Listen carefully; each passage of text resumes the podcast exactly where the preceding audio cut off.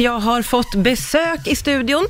Det är Karin Londré som har podden Mord mot mord med Anna Sandell. Välkommen hit! Tack snälla.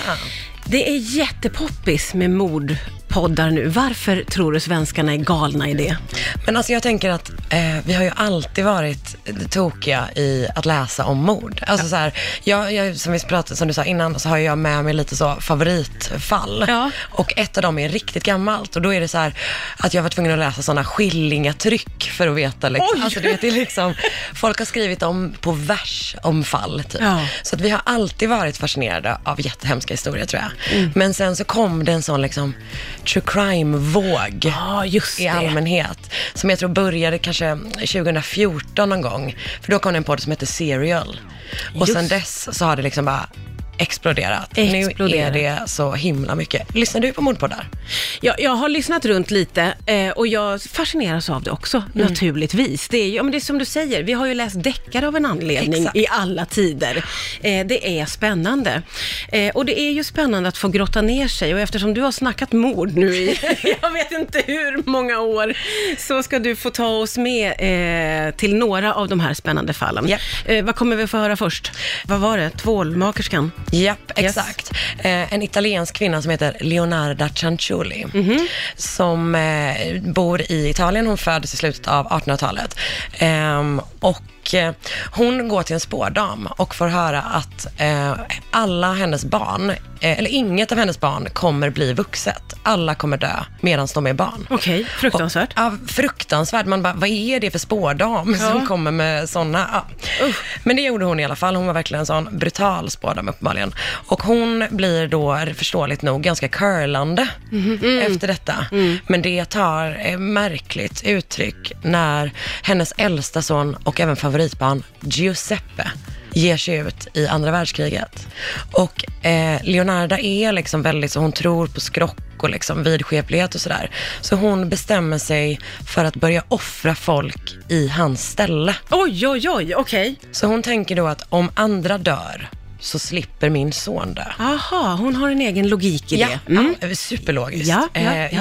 Ingenting som eh, känns som en bra idé. Nej. Ehm, så att det hon gör, hon är också spårdam själv nämligen. Mhm. Eller folk, hon kanske är lite mer sån som man kommer till för råd i byn. Ah. Så folk kommer dit och är så här, eh, jag vill ha en man, Vart ska, vad ska jag göra? Och hon bara, om du bara åker till den där staden, säg inte någonting till dina, eh, dina eh, så här, anhöriga. Skriv bara ett brev, säg jag åker till den här staden för att träffa en man. Eh, så kommer du hitta en man. Okej. Och sen mördar hon dem. Jaha, okej. Vilken otroligt obehaglig person. Eh, Ja. Klarar sig hennes son undrar man ju. Eh, jag tror typ att han gjorde det. det och funkar ändå på något konstigt sätt. och det var inte bra. Nej. Ehm, jag tror inte det hade någonting med det att göra. Nej. Jag vet heller inte om han klarar sig. Nej. Så till slut har hon då mördat tre personer innan hon åker fast. Nej. Och anledningen till då att att hon kallas för the soapmaker of Correggio, eller tvålbakerskan Ja. av Correggio, är för att hon kokar alltså tvål på deras kroppsdelar. Nej men Karin! Nej men fy, det är vidrigt. Jag får be om ursäkt, fast det var därför jag bjöd hit dig. Det var därför jag bjöd därför. hit Jag dig. vet. Absolut. Nu ska vi få lära känna Sveriges första seriemördare. Exakt, eh, som, eller, som brukar kallas för det i alla fall. Ja. Eh, jag antar att det funnits eh, fler tidigare. eftersom Första folk kända. kallat- exakt, lite så. Första med Wikipedia, Wikipedia-artikel. Ja. Eh, Anders Lindbäck Okej. föds i början av 1800-talet. Hans pappa kallas för Skinkesven eftersom han en gång stal en skinka. Nej. Det är bara en rolig detalj tycker jag. Stackarn. Vi kan dras med det. Skinkesven, Ja, ja. Ehm, och Anders, han utbildar sig till präst. Han är väldigt bra läshuvud, varför han då kallas för Läsar-Anders. Vad otroliga på det smeknamn i det här Verkligen. gänget. Man, man säger det som det är. Exakt, exakt. Så han blir då präst ehm, och eh, han, 1862, så han är ganska gammal då, eh, typ 60 år, så har han då fått en fast tjänst som kyrkoherde i Silbodals församling i Värmland.